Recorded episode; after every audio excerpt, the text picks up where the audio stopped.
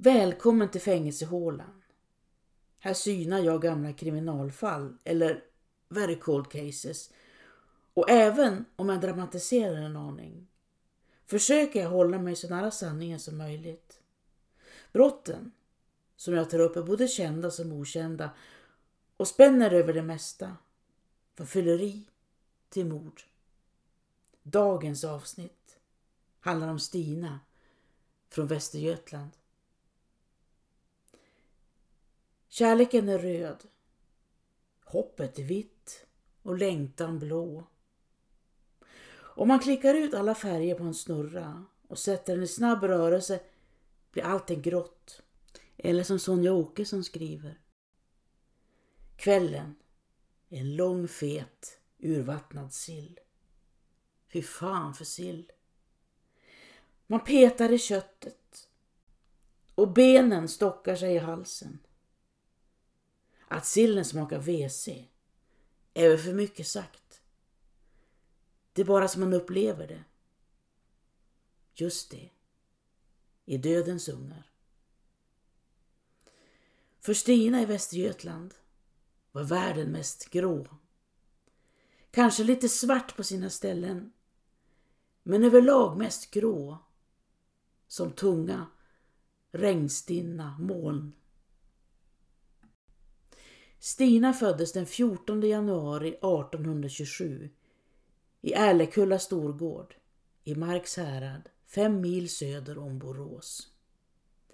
Hennes far, Andreas Andersson, var torpare och modern, Karin Svensdotter, var förmodligen sjuk redan då. Stina hade fem syskon, två äldre systrar och tre bröder. En av bröderna, den äldste, Sven, som var tio år äldre än Stina, var förmodligen förståndshandikappad. Livet på torpet i Älekulla kantades av sorger och förluster. Stinas systrar, Anna och Idela, dog båda tidigt i barnsäng innan Stina fyllt 15 år. Men då hade det värsta redan hänt. Stinas mor Karin var död. Hon hade dött när Stina var 14 år och kvar i backstugan fanns hennes far och de tre bröderna Sven, Bernt och Anders. Bernt och Anders flyttade med tiden. Stina började arbeta som piga i Älekulla-Lillegården och fortsatte sedan till Gäddarp innan hon tvingades återvända hem igen till sin far och äldste bror som inte förmådde ta hand om sig själva. Far drack stora mängder brännvin och var mestadels oredig medan bror Sven var sinnessvag utan att röra starkt. Det blev Stinas uppgift att ta hand om dem ända till far Andreas dog några år senare. Det fanns inte mycket kvar i hemmet. Lite kläder, några möbler, en del verktyg samt en ko och en get. Räddaren ut ur detta miserabla liv fanns i grannförsamlingen Torestorp. Christian Johansson hette han, var fem år yngre än Stina. När de gifte sig i slutet av december 1855 hade Stina redan flyttat in hos Christian på torpet i Slåbo och bror Sven hade blivit fattigvårdens ansvar. I stugan i Slåbo fanns även Christian Johanssons föräldrar. Före detta soldaten Johan Lod och hans hustru Katarina som bodde för sig själva i ett eget rum. Stina gjorde sitt bästa för att uppfylla förväntningarna som ställdes på henne och arbetade så gott och snabbt hon förmådde. Men maken, Christian, var ändå missnöjd och anställde pigor för att arbetet skulle bli ordentligt gjort. Ingeborg, Lena, Anna, Britta, Hella, Inga-Kajsa och Johanna. Pigorna kom och pigorna gick. Ingen stannade längre än några månader i Slåbo. Christian har alltid varit svag för kvinnfolk, sa svärmor Katarina till Stina. Nog vänslas han med pigorna alltid. Christian och svärföräldrarna klagade på Stina och sa att hon var valhänt och långsam. Christian tyckte att Stina var långsam i huvudet också. Och när han bråkade på henne blev Stina så sjuk att hon måste gå till sängs. I november 1857 födde Stina sitt första barn. En son som fick namnen Johan August. Sedan föddes Anders Magnus i juni 1859, Edela Kristina i januari 1861 och slutligen sonen Karl Johan den 24 april 1863. När maken bråkade på Stina blev hon inte bara sjuk utan upplevde att hon inte längre var sig själv. Hon förvandlades till någon annan som hon inte kände igen och Stina kunde inte nog beklaga och förbanna sin svaghet. Christian baktalade henne inför svärföräldrarna, visste Stina. Han kuckelurade med pigorna också, påstod svärmor. Och grå var det i synen, allihop. Vid middagstid, mitt på dagen, på skottdagen den 29 februari 1864, gick Christian Johansson bort från torpet. Han hade en del ärenden att uträtta. Och om just det hade han och Stina bråkat om kvällen innan. Stina hade som vanligt blivit sjuk av hans hårda ord och var fortfarande inte riktigt sig själv. Men hon gjorde sitt bästa för att sköta om barnen och ge dem eftermiddagsmålet. Samma eftermiddag drabbades treåriga Adela och femåriga Anders av feber och kräkningar. Stina gav dem vatten och mjölk att dricka och sockerbitar att suga på. Och när Christian Johansson kom hem igen några timmar senare tog han över skötseln och slog sig ner hos barnen, torkade deras pannor och smekte deras hår medan Stina höll sig i bakgrunden, valhänt och initiativlös som vanligt. Edela dog den 6 mars och Anders två dagar senare. Hela trakten sörjde och led med Stina som förlorat två barn på så kort tid. Stina satt närmast apatisk under begravningen men utbrast vid ett tillfälle Tack och lov att de är döda. Ingen reagerade nämnvärt på Stinas ord utan de visste och förstod. Fattigdomen. Nu fanns två munnar mindre att mätta och de små skulle aldrig mer tvingas gå hungriga. Åtta veckor senare, i början av maj, skickade Christian Johansson iväg Stina till prästgården för att hämta några papper åt honom. Prästen, Carl Larsson, beklagade sorgen ännu en gång och frågade om ryktet var sant att barnen frusit under sin sjukdom och att de inte haft täcke att krypa in under. Stina började gråta. Visst stämmer det, svarade hon. Det var så förskräckligt fattiga. Och det var för eländigt alltihopa. Kringvandrande knallar, gårdfarihandlare från Marks härad var ett välkänt begrepp som var på god väg att växa till en industri. Christian Johansson brukade också gå runt med hemvävda tyger till försäljning. Den 14 juni satt Stina vid vävstolen. Huvudet sprängde. Hon hade haft ont hela dagen. Christian drog upp dörren. Han klev in i stugan och sa åt henne att genast gå iväg och låna mjöl Stina arbetade med väven som Christian skulle bära med sig nästa morgon när han skulle gå ut för att sälja och svarade att hon inte hade tid. Hon måste bli färdig med tyget först. Då blev Christian ursinnig och började skrika åt henne. Stina kom snabbt på fötter och grep tag i lille Karl Johan, ettåringen. Hon flydde upp på loftet tillsammans med pojken med Christian gormande under sig. Jag drar ner både dig och ungen.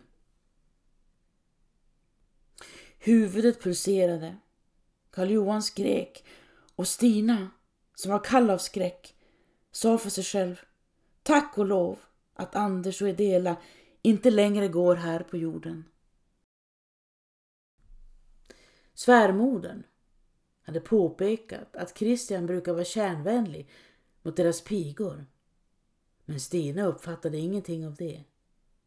De hade levt i osämja så länge. Stina tyckte till exempel att Christian skulle söka arbete på ett vägbygge i närheten. Men han vägrade. Det var nog med slit på torpet, tyckte han. Och Stina bara gnällde och klagade, lade han till.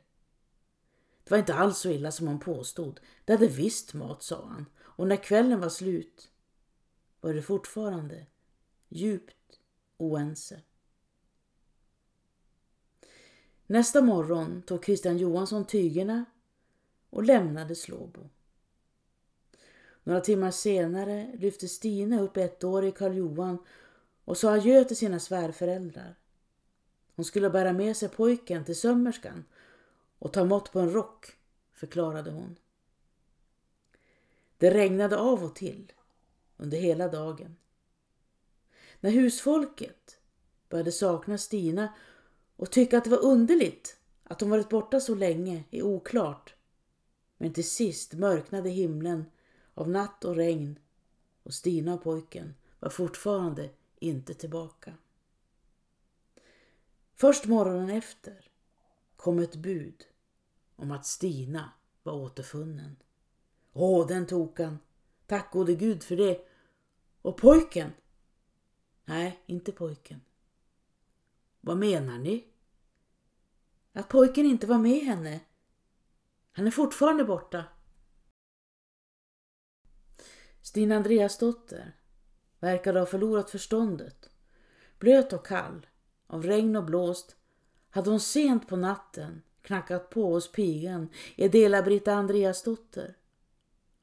Och när hon till sist blev insläppt pratade hon mest om ett vattenhål i skogen. Det blir aldrig väl med mig, så illa som jag gjort idag, upprepade hon. Och pojken, var finns han? Han ligger i vattenhålet, påstår Stina. Stina Andreasdotter hade ändå på något sätt lyckats förmedla vad som hänt. När hon tagit farväl av sina svärföräldrar beslutade hon sig för att ta en genväg genom skogen bort till sömmerskan. Men under träkronorna hade tankarna blivit ovanligt påträngande. Pojken, Karl Johan, som hon bar på hade somnat och vilade slapp mot hennes axel. Stina stannade till vid en vattenpöl men bedömde att den var för grund. En stund senare stod hon vid det djupa vattenhålet och övervägde. Det skulle nog räcka. Karl Johan hade vaknat. Han log mot henne och Stina log tillbaka innan hon tryckte ner honom under vattenytan och höll honom så länge att han slutat röra sig. Under tiden hade hon stirrat upp mot trädtopparna och tvingat ögonen att följa en fågel som flög högt där uppe. Stina plockade mossa och kastade över vattenhålet. Hon stirrade på mossan under en lång stund och tyckte vid något tillfälle att han rörde sig. Stina backade bort från vattenhålet och drev sedan planlöst runt i skogen. Vid några tillfällen närmade hon sig torpet. Hon såg dem, men det såg inte henne. Sjuåriga Johan August stod med en pinne i handen. Svärmor steg ut genom dörren och allt verkade vara ungefär som vanligt. Det regnade av och till. Stina blev kall och blöt in på bara skinnet men förmådde ändå inte gå hem. Långt senare knackade hon på hos pigan som motvilligt släppte in henne. Det var Stinas berättelse. Männen som samlats började genast leta efter Karl Johan och hittade honom efter en stund liggande i det djupa vattenhålet. Stina fängslades och det blev rättegång. Bestörtningen var stor. Varför? Det var mest ett infall, svarade Stina och berättade sedan om det svåra. De hade knappt mat för dagen. Vad än Christian påstod var det på det viset. Christian var både hård och vresig mot henne och svärföräldrarna var föraktfulla och elaka. Varje gång maken bråkade på henne förändrades Stina och de onda föreställningarna hade övergått i tvångstankar. Varför? frågade rättens ordförande igen och Stina svarade som tidigare. Nöden, eländet, fattigdomen. Åklagaren läste sedan upp en skrift från församlingens pastor Carl Larsson och Stina blev så förlägen att hon slog sig i pannan med knytnäven. Skriften handlade om Anders och Idela, hennes två små barn som dött i mars. Hade Stina dödat dem också? Frågan var orubblig och Stina nekade förskräckt. Hur skulle jag kunna göra det? sa hon. Barnen hade dött av koppor och förkylning, stod det i dödboken. Men ingen av dem hade haft spår efter smittkoppor. Prästen, Carl Larsson, skrev vidare. Jag hade inte funderat närmare om inte barnens far uppmärksammat mig på att barnen varit helt friska när han gick hemifrån men blivit svårt sjuka innan han var hemma igen några timmar senare. Så vad säger Stina om det? Hur kan det komma sig? Den 29 februari hade Christian Johansson gått hemifrån. Barnen lekte på golvet. Lille Karl Johan sov och svärföräldrarna vilade sig som det brukade göra på eftermiddagarna. Stina plockade fram havremjöl och hällde upp vatten. Det var mest ett infall det också, sa hon, när hon tömde asken med tändstickor i grötkoket. Gröten sjöd och puttrade och tändstickorna stack upp och försvann ner igen. Sjuåriga Johan August vägrade äta. Han hade sett tändstickorna i gröten och tyckte att det smakade konstigt och äckligt och spottade ut. Men Anders och Edela åt hungrigt och glupskt. Det var alltid så hungrig på eftermiddagarna.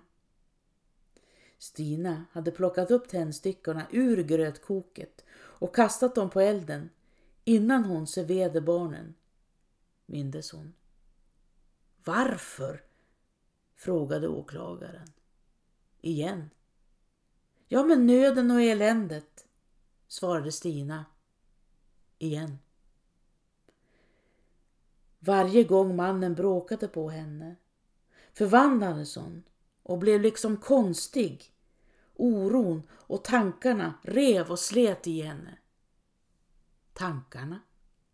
Ja, att hade ont om föda och skralt med pengar.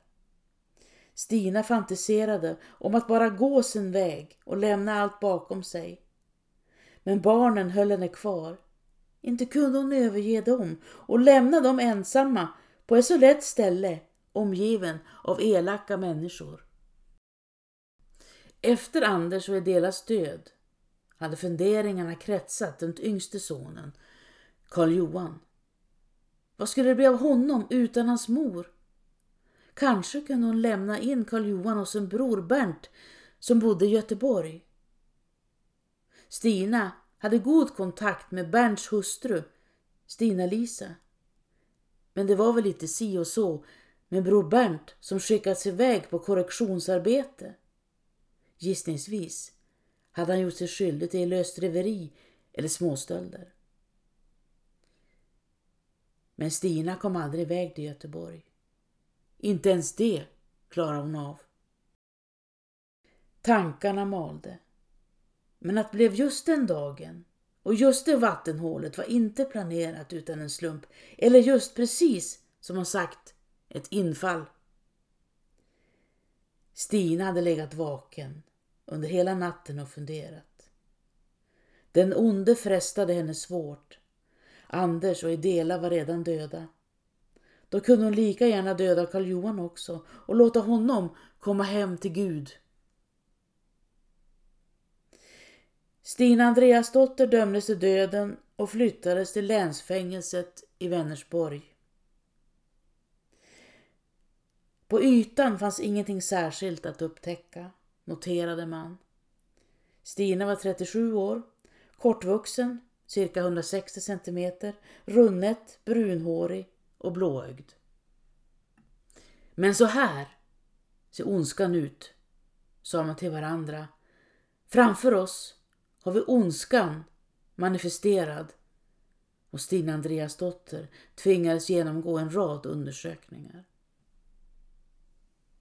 Hovrätten fastställde häradsrättens dom och Stina Andreasdotter ansökte om nåd hos Kunglig Majestät Karl den femtonde.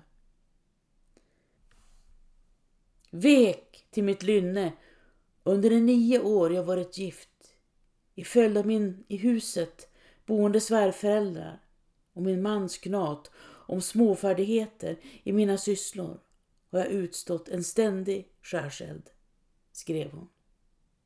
Detta gnat har haft till följd att jag tränne gånger avlägsnat mig från hemmet och en gång nära avvänt mig livet, vilket också skulle ha skett om inte mina barns framtid legat för mina sinnen Dystert irrande, liksom i ett mörker, har min levnadsstig således gått fram och tanken på mina arma barns framtid har alltmer stått hotande för mitt inre. Äntligen syntes det klarna för min blick och hjärtat började vidgas för min fröjd. Jag såg frälsningens dag för dem. Det skulle dö liksom skett och jag också. Uppvaknandet fann jag inom min trånga cellboning att jag irrat mig. Jag fann, och arma, att han gjort en stor ogärning. Jag ber i djupaste ödmjukhet om nåd till livet med stöd av fångpredikanten här vid fängelset. Fängelsepredikanten Hans Efraim Westberg la till i sitt intyg som skickades till kunglige Majt. Stina Andreas dotter har allt sedan sitt fjortonde år, då hon förlorade sin mor, som hon hade ett nära band till, haft ett föga lyckligt, om inte olyckligt liv. Redan av naturen utröstad med ett klent förstånd tycks hon, genom åhörande av ensidiga väckelsebekanter, hava blivit förvirrad. Hon ingick äktenskap med en till synes särdeles rå och tygellös människa som inte kunde uppfatta ett så vekt och rent ut sagt pjollrigt lynne som Stina, Andreas dotters. Genom mannens otyglade lidelser blev Stina, som redan innan äktenskapet var klen, ytterligare försvagad. Dels kroppsligt, men också av mannens ständiga gnat över Stina Andreasdotters sjuklighet och oförmåga att sköta sitt hus och till slut verkade helt ha förvridit henne. I detta sinnestillstånd har hon beslutat att övergiva sin man.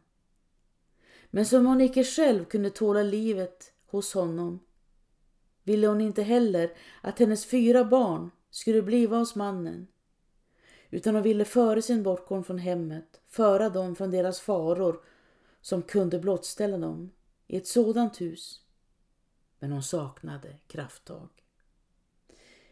Däremot tror jag inte att religionsgrubbel ligger bakom, utan Stina Andreasdotters olyckliga belägenhet. Stinas far har tid efter annan varit sinnesrubbad, möjligen av brännvin, ty han lär föra mycket. Även hennes äldre bror har varit sinnesrubbad. Denne broder lär dock icke ha förtärt brännvin.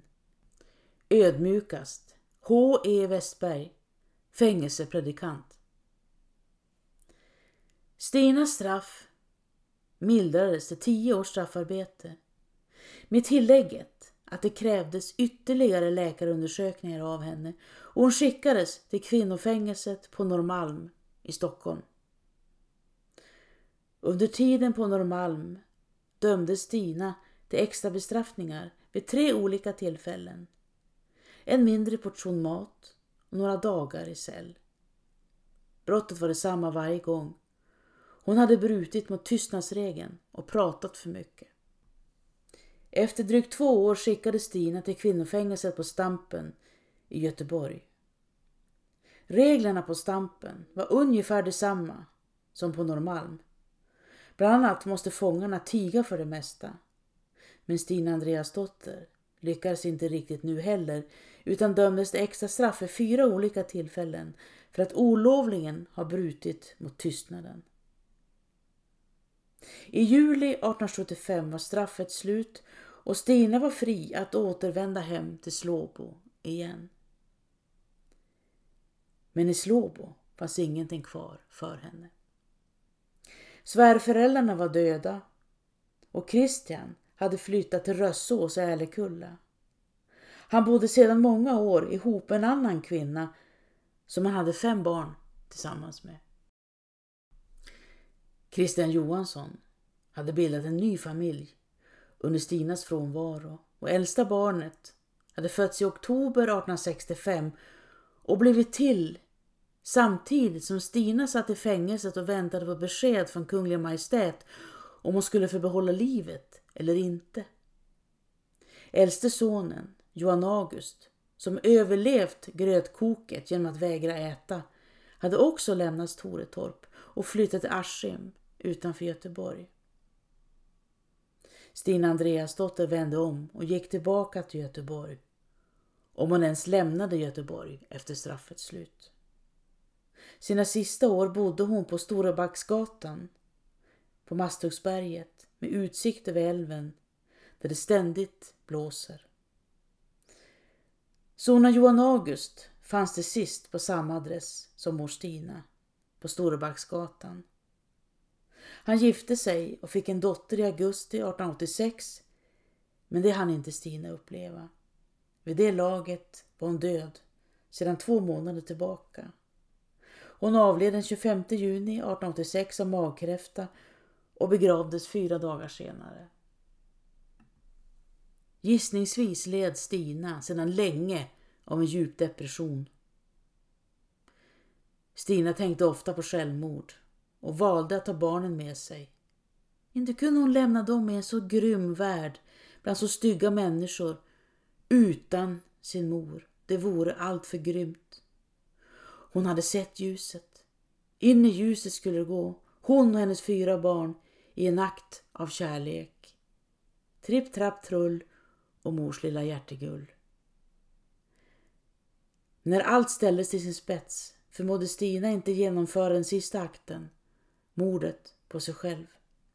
Kanske därför att hennes äldste son, sjuårige Johan August, fortfarande levde. Eller för att hon saknade mod. Inte ens det klarade hon av. Nu kommer fängelsehålan att gå ut i sommarsolen och ta ett litet sommaruppehåll.